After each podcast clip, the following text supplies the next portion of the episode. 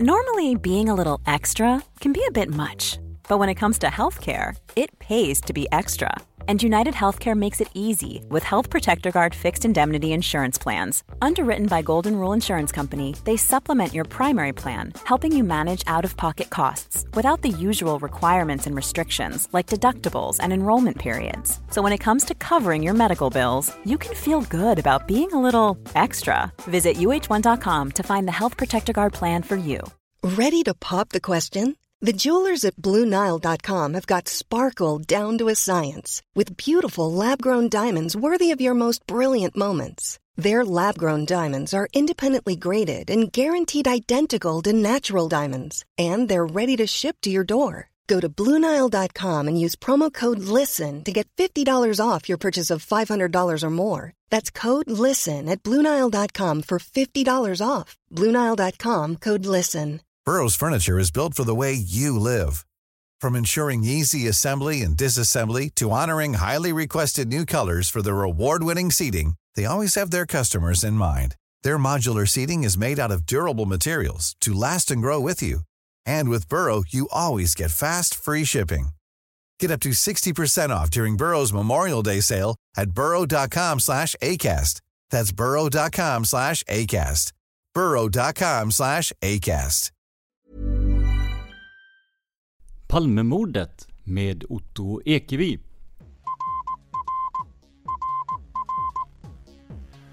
Sveriges statsminister Olof Palme är död. 90 000. Ja, det är mord på Sveavägen. Hörde de säger att det är Palme som är skjuten. Mordvapnet med säkerhet är en Smith Wesson, en revolver kaliber .357. Inte ett svar. Finns inte ett svar. För jag har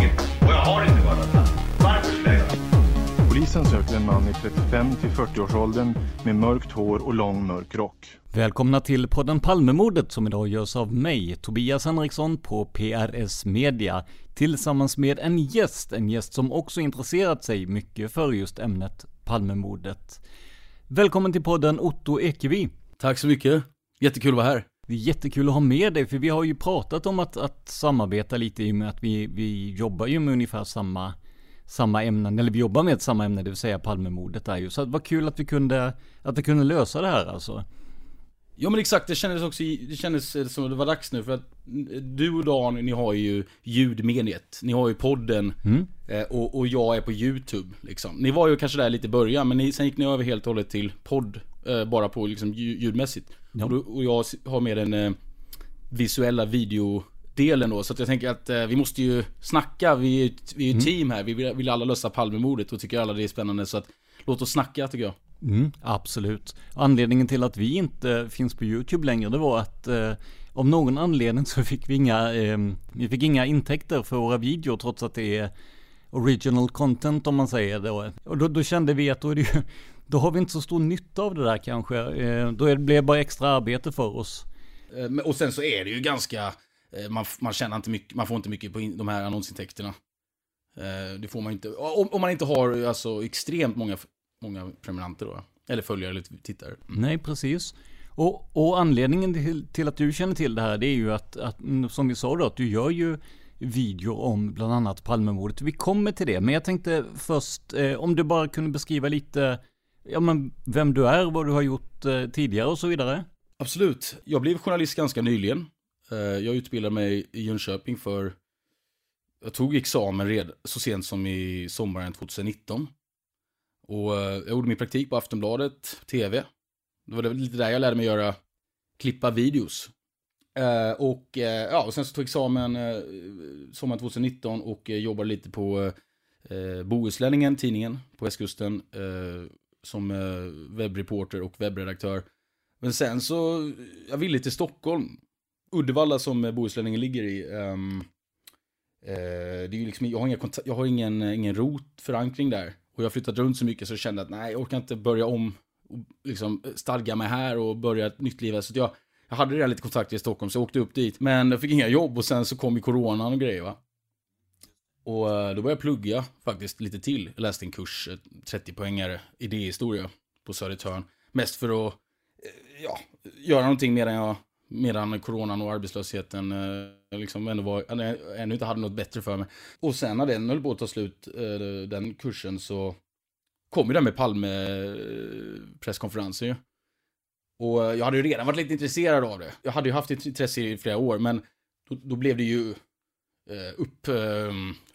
Jag kom ju tillbaka liksom. Det blev då aktuellt igen. Och då gjorde en intervju med Gunnar Wall, som jag gjort tidigare också. Men då brukar jag göra så att jag, jag intervjuar, eller jag spelar in mina intervjuer istället för att bara behöva känna att jag måste anteckna allting. Så att jag kan slappna av under intervjun. Och då gjorde jag det med Gunnar Wall. Och, men sen så bara, eh, tänkte jag det här låter ju bra, det var ju bra inspelat, det låter ju kul att höra och snacka. Så, så la jag bara upp den på min vanliga YouTube, sån där du vet, det var inga, jag hade inga följare alls, det var bara liksom alla har ju, alla har ju en sån kanal, så jag bara la upp den där. Eh, jag, orkade, jag orkade inte göra en artikel helt enkelt, jag bara la upp när vi snackade. Och, och då var det ju jättemånga som eh, uppskattade det och bara, ah, här, och då, då, fick jag ju blodad tand och så gjorde jag en till, gjorde någon med Borgnäs och så gjorde... Plötsligt så hade jag liksom, så satt jag där och gjorde videointervjuer, eller sådana här Skype-intervjuer. Eh, det, var så rätt, det blev så rätt i tiden. Eh, corona och ja, så bara, det, så det var liksom nästan en, eh, det var en slump att det bara, att jag började med det här eh, YouTube-kanalen. Men alltså innan vi kom in på eh, intresset för, eh, för Palmemordet och hur det började. Har det, har det kommit sig någon gång när du har praktiserat och jobbat som journalist att du har fått göra någon artikel eller något knäck om Palmemordet? Jag tänker, utredningen pågick ju fortfarande då fram till förra året. Tyvärr inte, men jag har försökt och eller jag har, jag har sett till att det, det har blivit, att jag gjort, eh, fått göra någonting. Alltså jag har, inte, jag har inte fått uppdrag av eh, av någon att göra det, men jag, jag har bett om att göra det. Eh, till exempel när jag var på Aftonbladet TV då, så, det, blev, det var ju bara en parentes, men, men eh, när det var årsdagen så tog jag eget initiativ utan att, jag frågade inte om lov, utan jag bara, jag hade ju uppdrag, men jag, jag bara, jag, jag, gör, jag gör lite sån här, eh, kort, någon sån här kort eh, summering av eh, Palmemordet för, för liksom, eh, för, för dummies. Eh, och så, så, så bara skick, la, så, så, när, var, när jag var klar med dem, eh, gjorde de på, gjorde de på fritiden, när jag var klar med dem så skickade jag in dem och bara, ah, men skitbra. Och så spel, när det var då årsdagen så hade de ju sån där, det är såna där du vet när det är, det är inga märkvärdiga grejer utan det är, i, idag så på tidningar, kvällstidningar och så vidare, då har du ju en textartikel och så längst upp så är det en liten förklarande video som egentligen är samma innehåll som artikeln. Så sådana där, jag gjorde två sådana där om årsdagen, men annars har det tyvärr inte blivit något. Så det, det är också, kanske också en anledning att jag började med YouTube-kanalen för att jag vill, jag vill göra det jag vill göra. Och det enda sättet att göra det egentligen, det är att göra det på egen hand. Så det, det, är väl inte helt och hållet en slump att det där, som jag sa innan, att det var en slump att det blev YouTube, utan någonstans så är det väl... Eh, du sa väl själv någonting att du slutade med journalistiken, för att, var, var, varför slutade du med journalistiken förresten, sa du? Jo, men eh, jag jobbade på TV4 nere i, i eh, Malmö där på lokalredaktionen och eh, TV4 tog ju det där ganska impopulära beslutet att lägga ner sin lokal-TV, eller alla lokal-TV-stationer. Och då hade det ju varit en vända när det var, ja, de skulle starta upp en dygnet runt sen nyhetskanal och de skulle gå över i nya bolag och allting och vi hade olika inhyrda eh, medarbetare i stort sett varje dag och det var uppsägningar och det var missnöje och allting så att jag ledsnade helt enkelt på branschen och bestämde mig för att eh, i alla fall ett tag då göra någonting helt annat. Så att det var min, eh, min väg så att säga då.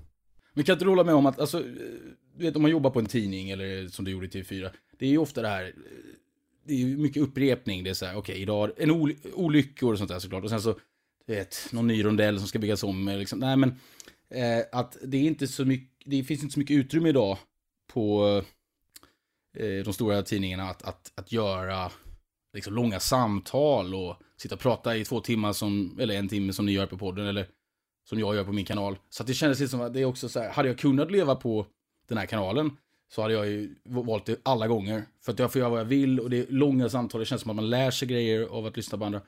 Så att det egentligen, alltså jag tror att framtiden är mycket, är mycket poddar och YouTube och man har länge pratat om i journalistbranschen att den håller på att dö ut. Men eh, den höll inte på att dö ut, den höll bara på att förändra, den ändrar bara form. Papperstidningen kanske håller på att dö ut, men det är ju bara för att ny teknik har alltid ersatt gammal. Så att jag menar att eh, poddar och eh, YouTube och liknande som kommer komma upp är eh, bara det, är det nya, det nya ja, eh, instrumentet bara för att, för att göra sin journalistik. Och då känner jag att YouTube, jag tror att det har framtiden. som, fortsätter man här, man kanske växer och så, då kanske man kan hålla på med det. För det, det är faktiskt det jag vill göra. Jag vill verkligen eh, fortsätta med det här. Nej men som du säger just det här med tidsbegränsningen, det är ju, jag menar, vi hade en lokal-tv-sändning på om det var någonstans mellan 3 och 5 minuter och ett knäck där skulle ju vara ungefär 30 sekunder då för att få plats. Eh, och, och eh, jag kände ju en enorm frihet när jag väl började med poddandet. Att här kan jag sitta och prata om, eh, alltså verkligen nörda in mig på ämnet i, i som du säger då, på en, en timme utan bekymmer. Och folk gillar dessutom det här formatet. Så att, nej, jag är helt inne på din linje där ämnet Palmemordet, hur, hur kom intresset för det? Alltså jag tänker, för det måste ju funnits där, som du sa då, långt innan du startade upp YouTube-kanalen och det här. Ja, men det här, det här blir ganska kul för det, här, det är också, det är också så här en väldigt, det är bara en slump också. Så här va, jag kan berätta exakt, jag vet minst exakt hur, hur det gick till. Um, jag har självklart alltid känt till Palmemordet, det har väl alla, de flesta, men, men för fem år sedan så um, skulle jag hälsa på min bror i uh, Oslo. Och uh, då sitter sitter vi där i hans soffa eh, och kollar på film och YouTube-klipp och grejer. Och då säger han Otto, har du, har du, du känner till Palmemordet va? Jag bara, ja, det är klart. Så här. Um, har du sett de här, har du sett de här dokumentärerna? Det finns massa så här, det är så jäkla spännande. Jag bara, nej, det har jag inte gjort. Så, här. så visar han de här, Lars Borgnäs, Norra Magasinet, Striptease och du vet, alla de här TV3, de här rekonstruktionerna. Och han bara, du kommer bli helt hooked. Jag bara, okej. Okay. Och så gav jag det en chans. Och, och, eh, och sen var jag det. sen liksom gick jag all in och blev helt så. Så det var bara sådär. Vill du se det här klippet Otto? Det är, inte, det är jättespännande. Och så kollade jag och så såg vi till och såg vi till. Sen så slutade det med att jag såg om alla dokumentärerna hundra gånger tills jag själv började gräva i det lite själv. Så så enkelt var det liksom. Men om man tittar då på det som har hänt för, ja, fram till för ungefär ett år sedan, finns det något spår. För, för, ungefär ett år sedan var det ju som när vi spelade in det här som man la ner utredningen. Men är det något, något spår eller något uppslag eller någonting som du tycker känns lite extra spännande eller kanske till och med underutrett utan att man för den sak skulle behöva tro benhårt på just det? Det är en bra, bra fråga. Så jag, jag tror, till att börja med så tror jag att jag är lite som du och Dan här, att jag gillar att, att eh, tillåta mig tro på alla teorier för att liksom verkligen utforska dem. Uh, och sen slutar det med att jag inte har någon, jag har, jag har ingen teori som jag håller uh, som säker. Alltså jag, jag, jag, är inte övertygad på någonting. Jag, jag, tror inte, jag tror inte, jag tror inte på någon teori, men, men det finns ju vissa som jag tycker är mer spännande som jag gärna läser lite mer om. Och det är väl mycket det här, man skulle kunna säga att det är Gunnar Walls teorier eller det här med, som jag gjorde ganska nyligen, pratade om det här mötesscenariot till exempel. Den tycker jag är väldigt spännande. Um, att Palme träffade mördaren och alltså lockar i någon slags fälla. Den tycker jag är väldigt, uh, känns inte helt otrolig. Och sen var, okej, okay, jag kan säga att det började med polisspåret tror jag, men det var väl för att det var den första, det var de dokumentärerna jag kollade på först. Och då tänkte man, ja ah, det är klart det är polisen. Och sen kollar man på en annan teori, ja ah, det är klart det är dem. Och så vidare och så vidare. Och sen när man gått igenom alla då, då slutar det med att man inte tror på någon teori. Ehm, um, ja, jag kan verkligen tänka mig att det skulle kunna varit Stig Engström också. Skandiamannen. Uh, men, uh, det, och det trodde jag när, vi visste ju nästan några dagar innan att vi var ganska, alla, man förstod nästan att det kommer bli Skandiamannen som spekas ut, men då tänkte man, ja men då, då kommer de också ha, de har, då har de ju något på honom. Och då tänkte jag, har de DNA och eh, mordvapen och så vidare, då, det är klart att man tror på det då. Men så, så, så fanns det ju ingenting och då kan man inte tro, då är det inte så lätt att tro på det.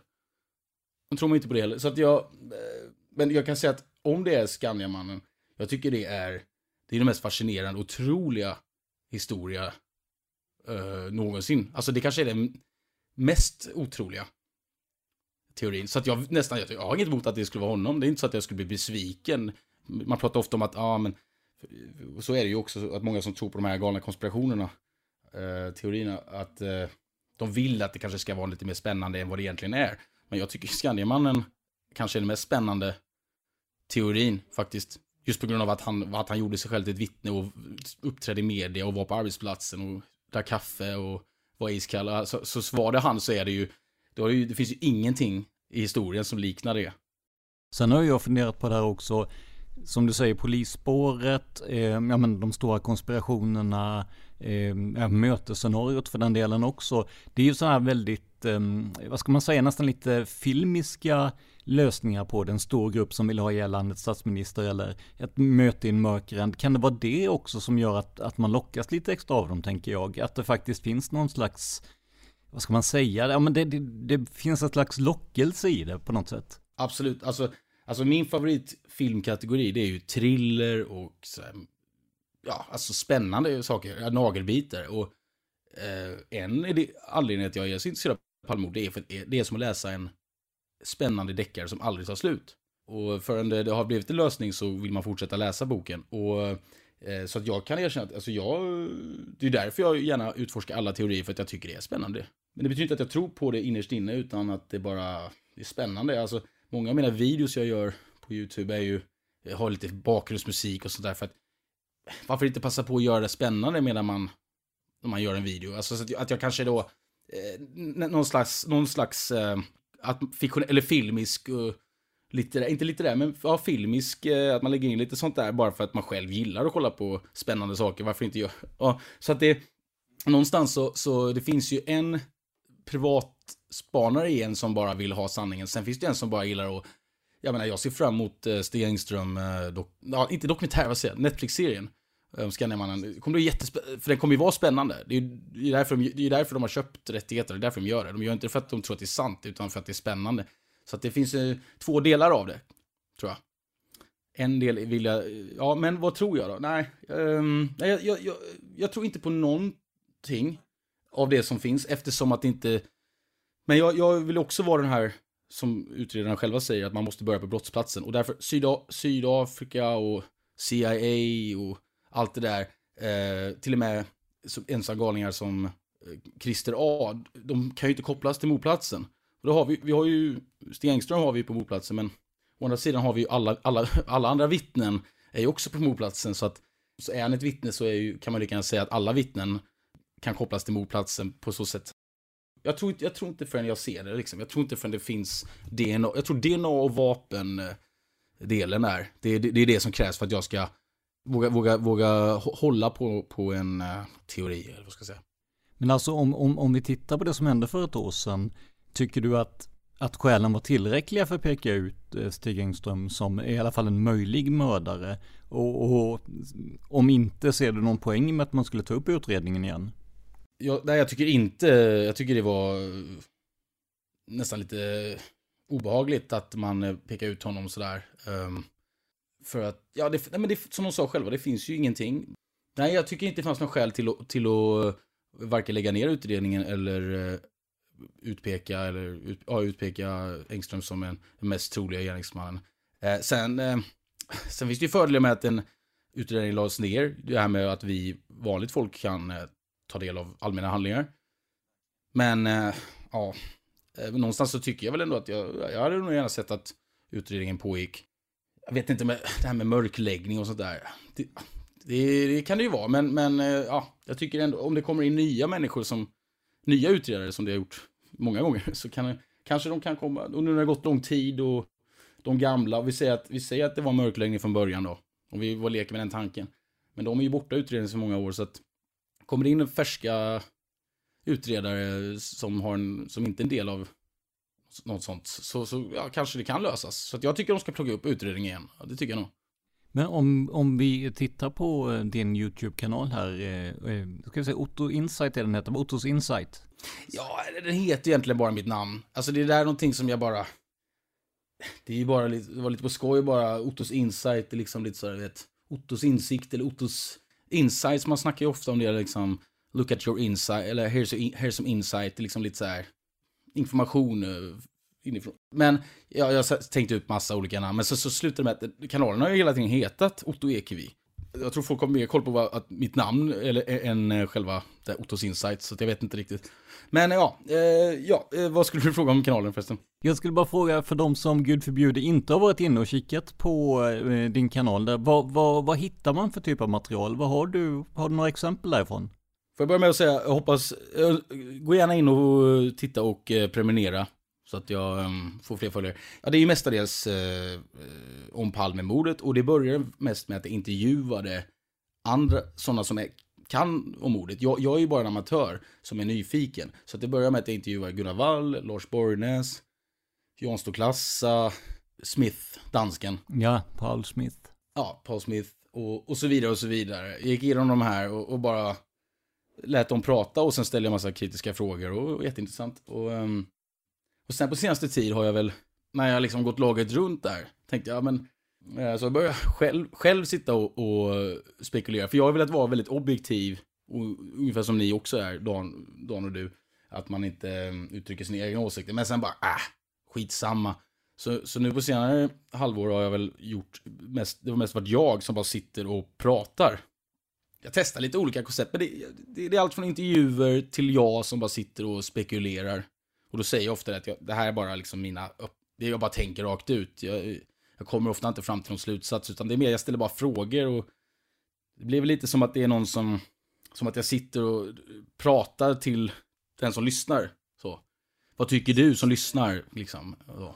En direkt kommunikation fast på, fast digitalt så att säga. Ja, absolut. Och, så är det Och sen, eh, sen hade jag lite avbrott där och det blev, blev det något helt annat. Då åkte jag ner till Halmstad och började jobba med komikern Peter Wahlbeck.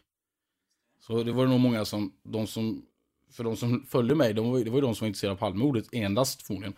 Så när jag började göra massa grejer med Peter Wahlbeck, då undrar väl folk, vad är det här nu då? Är det fel kanal? Ja, just det. Så att, eh, och sen så slutade jag jobba med honom och um, Eh, och gick tillbaka. Så nu är, nu är jag lika aktiv, så här ett år senare. Så, så var, jag var som mest aktiv i början och, och nu när det gått, nu ett, på årsdagen här så har jag blivit lika aktiv som jag var då. Kanske nästan mer aktiv nu. Så nu finns det massa nytt att titta på min It's that time of the year. Your vacation is coming up. You can already hear the beach waves, feel the warm breeze, relax and think about work. You really, really want it all to work out while you're away. Monday.com gives you and the team that peace of mind. When all work is on one platform and everyone's in sync, things just flow wherever you are. Tap the banner to go to Monday.com.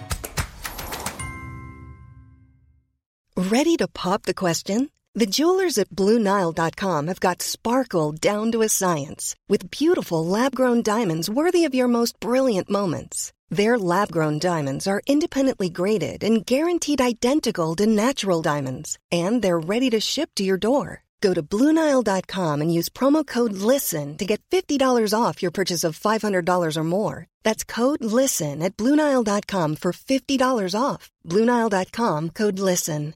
Quality sleep is essential. That's why the Sleep Number Smart Bed is designed for your ever evolving sleep needs. Need a bed that's firmer or softer on either side? helps you sleep at a comfortable temperature, Sleep Number smart beds let you individualize your comfort so you sleep better together. JD Power ranks Sleep Number number 1 in customer satisfaction with mattresses purchased in-store. And now save 40% on the Sleep Number limited edition smart bed for a limited time. For JD Power 2023 award information, visit jdpower.com/awards. Only at Sleep Number stores or sleepnumber.com. Men det där är ju ett intressant, förvisso ett stickspår, men då, hur kommer det sig att man går från Palmemordet till Peter Wahlbeck? Det känns ju som ett ganska långt steg onekligen. Ja, nej men det är ju liksom, det beror väl på att jag inte har, ha, ha, kanske har en jättefärdig plan med vad jag vill. Alltså jag, jag kommer fortsätta med Palmemordet, men jag vill ju göra andra grejer också såklart. Precis som du och Dan har andra poddar om andra ämnen, så jag måste ju bredda mig också. Så att jag har faktiskt lite planer på att göra andra eh, program med. Men kanske inte just på min kanal, men att, att jag öppnar en annan kanal och har lite olika kanaler. Eh, för, för jag faktiskt göra ett program om, om vin, eh, vintestning. Men, men det ska inte, det ska inte, men den, min eh, Palme-kanal som jag har nu, den ska fortsätta vara Palme och så ska jag men hur jag gick från det? Ja, nej, det var helt enkelt bara att jag satt ju där uppe i Stockholm och så, så erbjöd han mig att liksom, han hade lite idéer.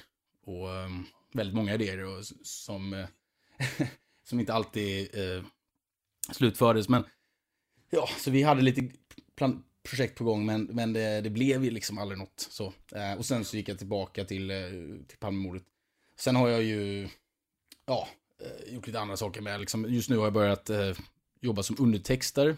Skriver helt enkelt subtitles, undertexter till, till eh, ja, mest svenska program faktiskt. Alltså så här för, för um, hörselskadade eller folk som helt enkelt, det ska liksom finnas ett alternativ att man, om man inte hör vad de säger så ska det, ja.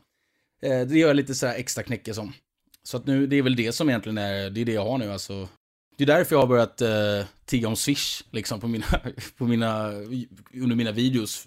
Jag tänker att vi gör ju samma sak. Ehm, vi har ju eh, annonsintäkter från Acast och sen har vi ju våra kära lyssnare. Så det är ju, jag tycker det finns en föraktfull ton i det där man så det swish-journalistik och det är så här Joakim Lamotte och sånt där som man kanske har framför sig. Men, men det är ju en, en alltså det är ju vårt sätt att överleva. De som är, alltså som gör content, eh, fast på lite i mindre skala, så är det ju, är det ju ett sätt att överleva. Men jag, jag, tänkte på det, du, du sa att du skulle eventuellt göra någonting om vin. Och alltså, det, det bara dök upp i mitt huvud att ska man kombinera vin och Palmemordet så Leif GW Persson är ju liksom, han släpper egna viner och han är ju jätteintresserad av Palmemordet så att det är ju ett tips. Det kommer alltså vara jag, som, jag kommer vara den här den som vill dricka vin, men jag vet inget om vin. Och sen så kommer jag jobba med en sommelier och hon kan, hon kan ju allt om vin då. Så då kan jag fråga, okej, okay, jag, jag, vill spendera 100 kronor för en flaska vin eh, som jag ska avnjuta till Norra Magasinets eh, dokumentärsvit. Vad, vad tror du? Och jag ska äta lite italienskt eh, kött. Så här, ja, men då har vi den här. Ja. Och sen, ja, nu vet ni vad ni ska dricka. Kan... Nej, men jag tänker att till, om man ska titta på presskonferensen så blir det ett vin med ganska lång och besk eftersmak i alla fall. Ja, då be ja, där behöver man nog starkare nästan för att orka med. Ja, faktiskt.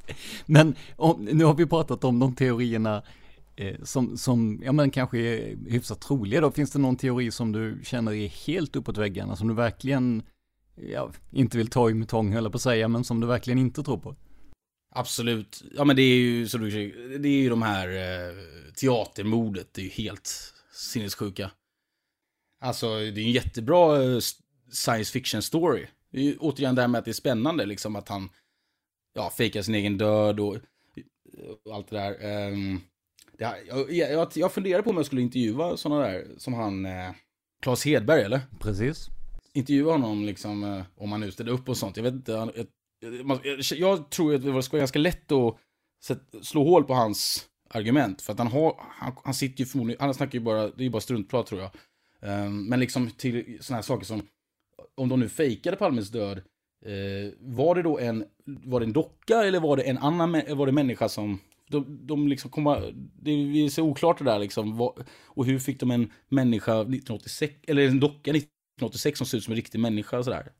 Det har varit spännande att höra liksom hur de, hur de tänker. Och, eh, teatermordet, eh, framförallt. Och sen finns det väl massa, det finns väl många liknande. Jag vet inte ens hur många som finns. Det finns säkert, jag, jag håller mig till, eh, återigen brottsplatsen. Och och då tycker jag inte, så att jag, det är väl mest den som är riktigt galen.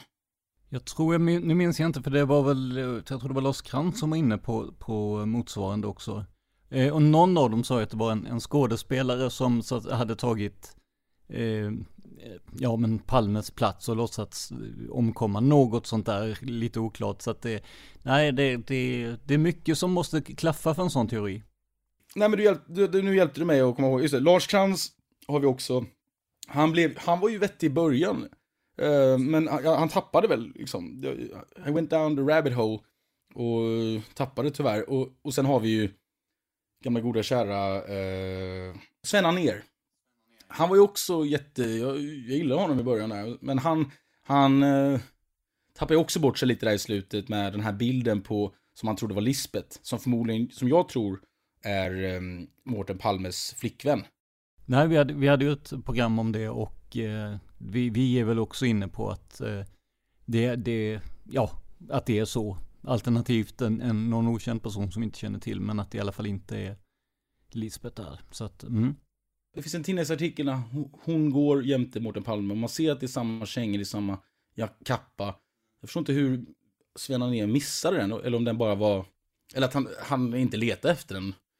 Eller om den inte fanns tillgänglig fram tills efter, ja, långt senare. Men eh, det är, där har du några exempel på de galna främst teater, teatermordet är galnast. Sen har du ju Lars Krantz och sen, eh, sen han ner mot slutet tappade ju. Men han var ju inte galen från början tycker inte jag. Han tyckte han var ganska grym i, i tidigt efter mordet faktiskt.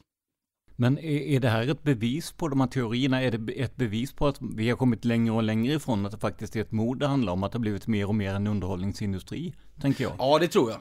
Och jag frågar inte om, delvis är väl vi, du och jag, en del av det, fast kanske inte, inte på det värsta, vi, vi, gör, vi är inte värst i alla fall, men, men um, ja, vi människor, alltså, nu blir, man, nu blir jag filosofisk här, men det är lite som det här man, religion och allt möjligt egentligen, att superstitions och vad det heter på engelska, um, att vi, eh, vi gillar att tro på någonting som är mystiskt. Uh, och och konspirationsteorier har ju verkligen, det har, aldrig, det har slått igenom verkligen. Jag, vi, vi lever ju i en konspirationsteori eh, tidsepok här nu. Där allting är en konspiration. Ehm, sen finns det ju konspirationer såklart, men någonting jag har märkt om man kollar i Palmerummet eller folk som... Eh, de som, de som tror på konspirationsteorier, de är aldrig intresserade av att prata om sakfrågor eller faktiska bevis, utan de är bara, de går, de går rakt på, det är som att de, de vet mer än alla andra. Och Peter Wahlbeck är så också liksom, all, allting, eh, eh, bara, ah, men det, det, de, du, ni är lurade, ni är lurade allihopa, ni fattar ingenting, det, allting var cover-up, det var ett teatermord, iscensättning. Men de är aldrig intresserade av att prata om faktiska, ja men, teknisk bevisning eller vem var på plats, utan det är bara storyn är viktigare liksom, det, blir en tro, det blir en tro mer än... Eh, än en sanning eller en fakta. Precis, och medan de som tror mer, de som är mer... Eh, ja, de vettiga eh, prat, kan prata om sak, eh, sakfrågor utan, utan att gå in på hel, hela teorin. Och där är jag någonstans, att jag, jag behöver inte snacka om teorier hela tiden, utan så här, okej, okay, vem är det på den bilden? V vem var, vad var den och när, så. Um, det har jag märkt alltså att konspirationsteoretiker, de är, alla de är inte intresserade av sanningen utan de är intresserade av vad de redan har bestämt sig för. Jag gör ju en, en podcast om just eh, konspirationsteorier, om, om just konspirationsteorier och myter. Den har eh, legat nere nu ett tag här för det har varit så himla mycket annat. Men eh, jag pratade bland annat med eh, Skiffin och Musara som du känner till från... Eh, ja, jag har träffat honom faktiskt. Ja, men precis från We Got This där. Och vi pratade just om eh, lite om Qanon och det amerikanska valet där. För där har vi ju verkligen en massa konspirationsteorier. Så det var väldigt intressant alltså. Eh, och jag, jag håller nog med dig att det, folk tycks se teorin men inte se de delar som talar emot att det är så. Det är precis som med eh, teatermodet. Man ser inte hur många delar som måste kugga i varandra för att det skulle funka. Men i, i din research och i, i dina tankar eh, och dina filmer här, hur, hur, mycket har du kikat på det material som har kommit ut eh, sen man la ner utredningen och, har du hittat någonting som du känner är lite extra spännande i så fall? Ja, det är ju lite förargligt att jag, i början gjorde jag det, jag begärde ut lite olika saker.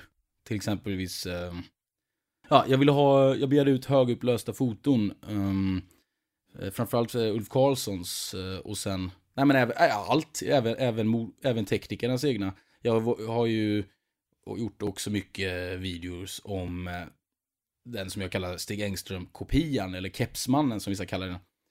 Det finns ju en bild där som är lik och det går inte att se vem det är för det är så dålig skärpa. Ehm, jag ville hitta en högupplöst bild på den men så begärde jag ut det. Men när jag fick den skivan, de brände den på CD-ROM. Liksom, som det vore 90-talet. Och jag frågade om de kunde skicka den på mail, men nej, det gick inte. Eller jag frågade till mig om USB, men nej. För jag har ju ingen, på, på min Mac så har jag ingen CD-uttag då, så att det tog ju flera månader innan jag hittade någon som hade en dator. Och när jag la, så gick jag hem till en kompis och bara, kan du, kan du föra över, stoppa in den här skivan och föra över dem och skicka de här bilderna till mig? Han bara, absolut. Och sen bara, eh, jag bara, hur gick det med bilderna? Han bara, nej det var, det var inget på skivan, den var tom så då är det två till, ant, an, jag tror det är han, vad heter han, en av utredarna i alla fall. Eh, det var han som skickade. Jag vet inte om antingen eh, gjorde han fel eller så bara, jag vet inte, var det ett skämt eller något, jag har ingen aning. Nej, och sen så, sen så kom det här med Peter Wahlbeck och lite andra grejer. Så att jag, nej, eh, jag har faktiskt varit ganska, en ganska kast eh, researcher. om man ska göra en jämförelse så är det lite som att jag har varit nyhetsankaren och sen så har jag använt andra, kanske läst i Palmerummet, folk som, de riktiga eh, hjältarna, de som verkligen söker, så jag liksom ser vad de har kommit fram till och så ja, har jag använt det och gjort videos om det då.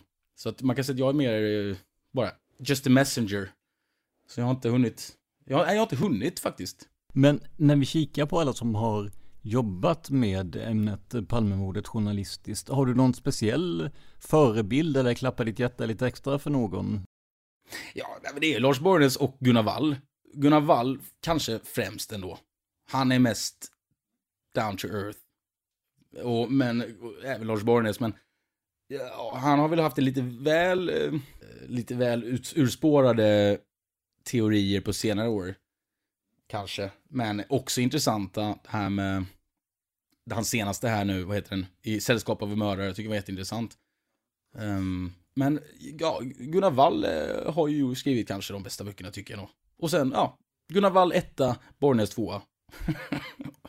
Så det, det, är väl där jag har hämtat min, eh, mest av min inspiration och det är det som har fängslat mig mest. Och sen då eh, såklart, när det gäller Borgnäs så är det väl främst hans dokumentärer från 90-talet. Så man kan ju säga att dokumentärerna från Lars Borgnäs och böckerna av Gunnar Wall, det blir en bra uppdelning tycker jag. Om du hade fått sitta ner tillsammans med någon av förundersökningsledarna, vem hade du velat sitta ner och prata med och vad hade ni pratat om? Oh, vilken bra fråga. Wow, det har jag aldrig tänkt på.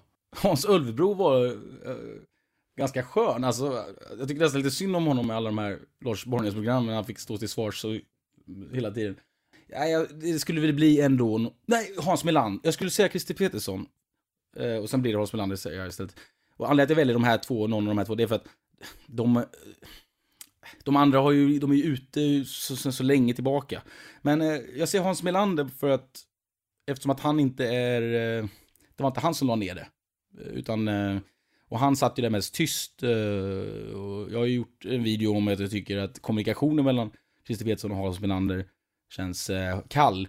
Och det kanske, kan, Hans Melander kanske sitter på någonting och nu när de har lagt ner så kanske han om man liksom häller ner lite extra vin i, eller om man super ner honom, liksom, kanske han vågar öppna upp sig. Liksom. Nej, men Hans Melander kanske, han, han skulle nog ha en del intressanta saker att säga. Ja, hade vi fått gå tillbaka till de som inte längre är med oss så, så Holmér hade ju varit fantastisk också med tanke på att han kom in så tidigt i, i, i händelserna där ju.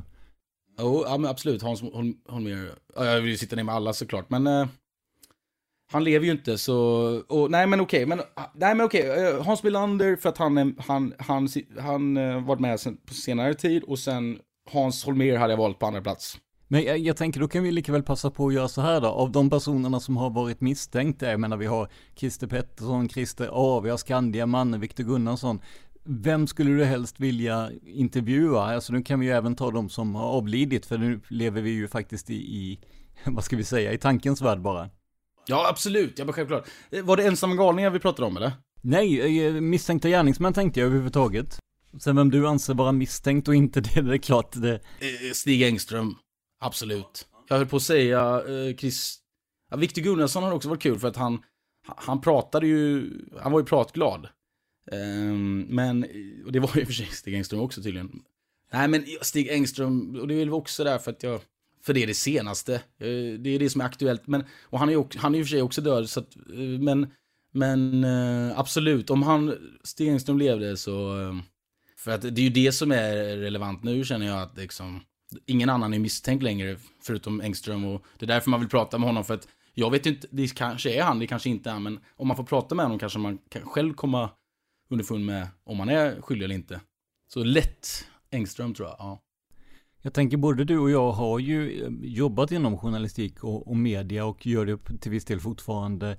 Om vi tittar på den medieuppmärksamheten som var kring presskonferensen där man spekulerade om Sydafrika, man spekulerade om Stig Engström, om en hel del andra spår. Man hade hittat vapen, man hade hittat DNA och allt möjligt. Hur tycker du att media hanterade det här? Också bra, jättebra fråga. Eh, jag tycker, in, jag tycker att det var väldigt lamt eh, från medias håll. Kritik, alltså den kritiska kritiska frågor, ifrågasättande. Media har ju varit mer som en, eh, en grammofon för eh, Christer Petersson. Liksom. Man, man, bara citerar vad, vad, han har sagt, men vad, vad, vad var frågorna? Och sen så det här med presskonferensen i sig, att journalisterna inte fick ställa mer än en fråga. De fick inte ställa följdfrågor, det blev helt meningslöst. Det här i slutet, det var så här, var- var en handfull journalister som fick ställa en fråga och sen svarade Christer Petersson och fick man inte ha någon följdfråga på det. Och det var liksom den enda chansen man hade att inför svenska folket ställa kritiska frågor och så fick man inte det. Det beror mycket på att det var digitalt, tänker jag då, att hade de varit på plats så ja, kan de ju inte stänga av, man kan inte trycka av eh, knappen. Så, så att, eh, och sen, eh, men jag tycker att tidningarna, nej. Eh, var, var är de här Lars Borgnäs? De här jobbiga journalisterna som eh, går lite för hårt på. Eh, de, det, finns inga, det fanns inga sådana. Förutom Borgnäs, är, han, han ringde in någon gång Eh, under dagen där, när de la ner och predikade sin teori. Men annars så, nej. Eh, dagens, eh, vår generations journalister tyckte jag inte, jag så, hörde inga, ingen, det fanns inget, nej det verkar inte finnas någon nyfikenhet eller intresse utan, nej, dåligt. Vi börjar närma oss slutet av vårt samtal, men jag tänkte höra med dig. Tror du att det finns någon möjlighet att man kan komma längre nu då? Jag menar, polisen har sagt att de inte kommer längre.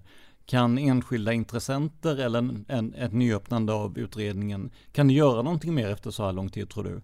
Först och främst det som man bara kan hoppas på, det är ju eh, att någon som sitter inne med bevis eller som själva varit med och fortfarande lever, att de, något dödsbädds eh, erkännande, någon som har vapnet och lämnar in den. Det är först och främst det som behövs. Ja, det är kanske någon som bär ut handlingar och, och ser på det på, ny- med nya ögon som ser någonting. Det är ofta det små finstilta, det är där sanningen ligger så att säga, eller där svaret ligger. Eh, det är lätt att stirra sig blind, man ser inte skogen framför träden. Men ja, det behövs ju någon eh, som var med och kan bevisa att de var med. Det räcker inte med att någon bara erkänner att de mördade Palme, för det vet vi att det är många som har gjort. Men, men om den personen kommer in med, sin, med vapnet och så. Och jag tror det här med att de inte kan testa att, eh, vad heter det, forensic... Eh, Ja, det- kriminaltekniskt te- testa kulor och liknande eller? Exakt, alltså att det plötsligt inte gick. Det vet jag inte. Det, det är sådana grejer, det är liksom... Det kan vara så, men man vet ju inte det förrän man har testat. Alltså det, det kan vara så att vapnet redan har testats men man inte ser det. Men det kan också vara så att de kanske testar något i framtiden och så kan de se det. Så att det, vi vet, förstår du vad jag menar? Man, man vet ju inte riktigt eh, om det verkligen är så. Nej, vem tänkte på att det skulle komma en, en, en mycket mer förfinad DNA-teknik i 30-35 år senare när mordet skedde till exempel. Det har ju visat sig att även om det inte har varit jätte, till en jättestor nytta verkar det som i, i det här fallet då så, så har man ju ändå gjort försök att, eh, att få fram DNA bland annat från eh, Palmes rock vill jag minnas. Ja, just det. Och man försökte få Stig Engströms eh, DNA på något brev där. Fast Stämmer. man visste inte att det var hans. Men det misslyckades. Men ja, eller hur? Där har vi det. För DNA, DNA forskningen eller DNA, vad man Mm. ska kalla det. Det har ju verkligen eh, blivit bättre och bättre. Känns det som. Mm. Låter det som. Och, ehm, så där har du väl det. Alltså DNA, spår och vapnet. Och Mm. en person som kan berätta hur det gick till. En trolig historia. Mm. I samband med de där. Det är väl där. Men det är ju klart det är önsketänkande. Men det är, naturligtvis så är det ju det som Mm. alla vill. Det är, eller det är, så är det med alla brott idag. Alltså man, det är ju det man ska ha. Fråga, man vet ju inte. Alltså finns svaren i utredning överhuvudtaget? Om det är, ja. Inte om det är mörkläggning. Då är det ju, då finns, då är det borta såklart. Så att det, det kan ju också vara helt meningslöst alltihopa. Men det, det kommer nog bara vara en deckare som eh, man fortsätter läsa och som aldrig kommer ta slut. Och ja, det kanske är lika roligt så. Ja, kanske det. Det kanske är i ovissheten som eh, spänningen ligger till viss del. För många tror jag det är det alltså. Och därför, alltså även om, även om eh, de bevisar vem det har gjort. Vi säger att det är Sten Engström och de har hittat hans DNA och vapnet. Kommer folk ändå tro på teatermord och alla möjliga konspirationsteorier.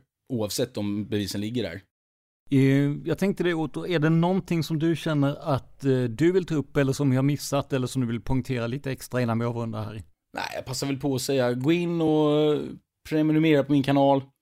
Titta på mina videos. Stöd mig så att jag har lust att fortsätta göra det här. Det, det här kan ju inte bli min heltidssysselsättning på en gång, men, men om fler tittar så ökar ju det, så kan jag, har jag mer tid att göra bättre kvalitet, mer professionella videos.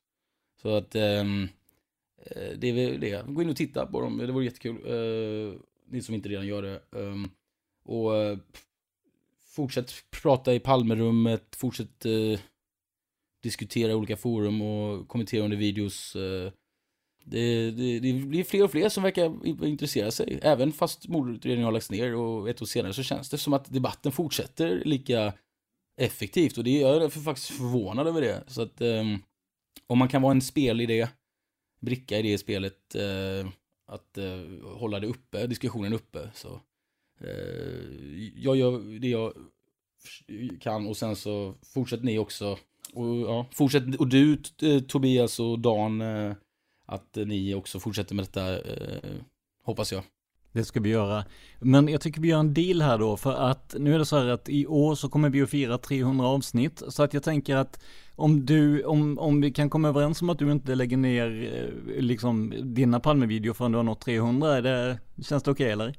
Absolut, nej men jag ska, det, är, det är bra mål, jag gillar att sikta högt. Ja men det är bra. Absolut. Och sen hoppas jag att ni har med Lasse Lampers eh, snart Ehm, och om man inte har sett, det kan vi säga som sista tips, ni som inte har sett dokumentären Palmemördaren eh, på SVT, ungefär en timme lång, skitbra.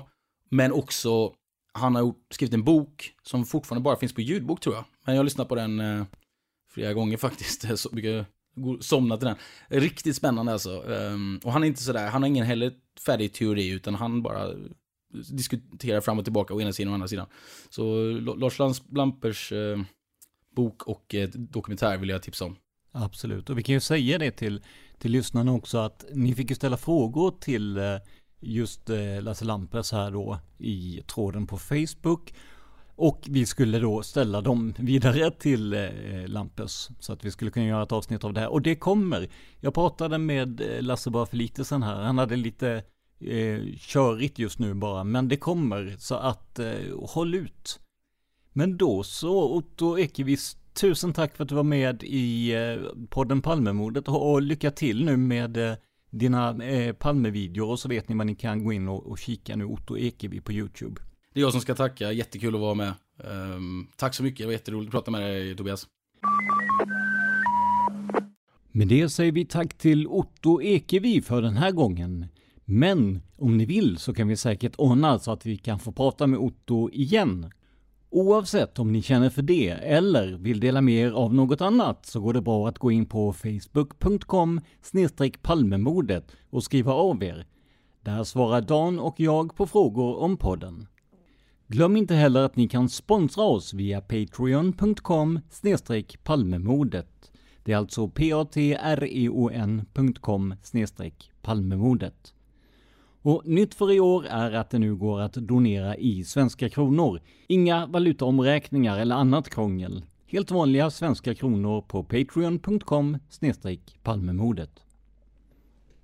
Det här var veckans avsnitt av podden Palmemordet som idag gjordes av mig, Tobias Henriksson på PRS Media. För mer information om mig och mina projekt besök facebook.com prsmedia.se eller gilla oss på Instagram där vi heter PRS Media. Ett ord, små bokstäver. Stort tack till Otto Ekevi som var med och förgyllde dagens avsnitt. Men framför allt, stort tack för att du lyssnar på, på den Palmemordet. Man hittar Palmes mördare om man följer PKK-spåret till botten. För att ända sedan Julius Caesars tid har det aldrig hört talas om ett mord på en framstående politiker som inte haft politiska skäl. Polisens och åklagarens teori var att han ensam hade skjutit Olof Palme. Och det ledde också till rättegång. Men han frikändes i hovrätten. Nu ska vi ut och röva, Stråt. vi ska ut och röva. Planning for your next trip? Elevate your travel style with Quince. Quince has all the jet-setting essentials you'll want for your next getaway. Like European linen premium luggage options, buttery soft Italian leather bags, and so much more. And it's all priced at 50 to 80% less than similar brands. Plus, Quince only works with factories that use safe and ethical manufacturing practices. Pack your bags with high-quality essentials you'll be wearing for vacations to come with Quince. Go to quince.com slash trip for free shipping and 365-day returns. Want flexibility? Take yoga. Want flexibility with your health insurance? Check out United Healthcare Insurance Plans. Underwritten by Golden Rule Insurance Company, they offer flexible, budget friendly medical, dental, and vision coverage that may be right for you. More at uh1.com. Planning for your next trip? Elevate your travel style with Quince. Quince has all the jet setting essentials you'll want for your next getaway, like European linen, premium luggage options, buttery soft Italian leather bags, and so much more. And is all priced at 50 to 80% less than similar brands. Plus, Quince only works with factories that use safe and ethical manufacturing practices. Pack your bags with high-quality essentials you'll be wearing for vacations to come with Quince. Go to quince.com/pack for free shipping and 365-day returns.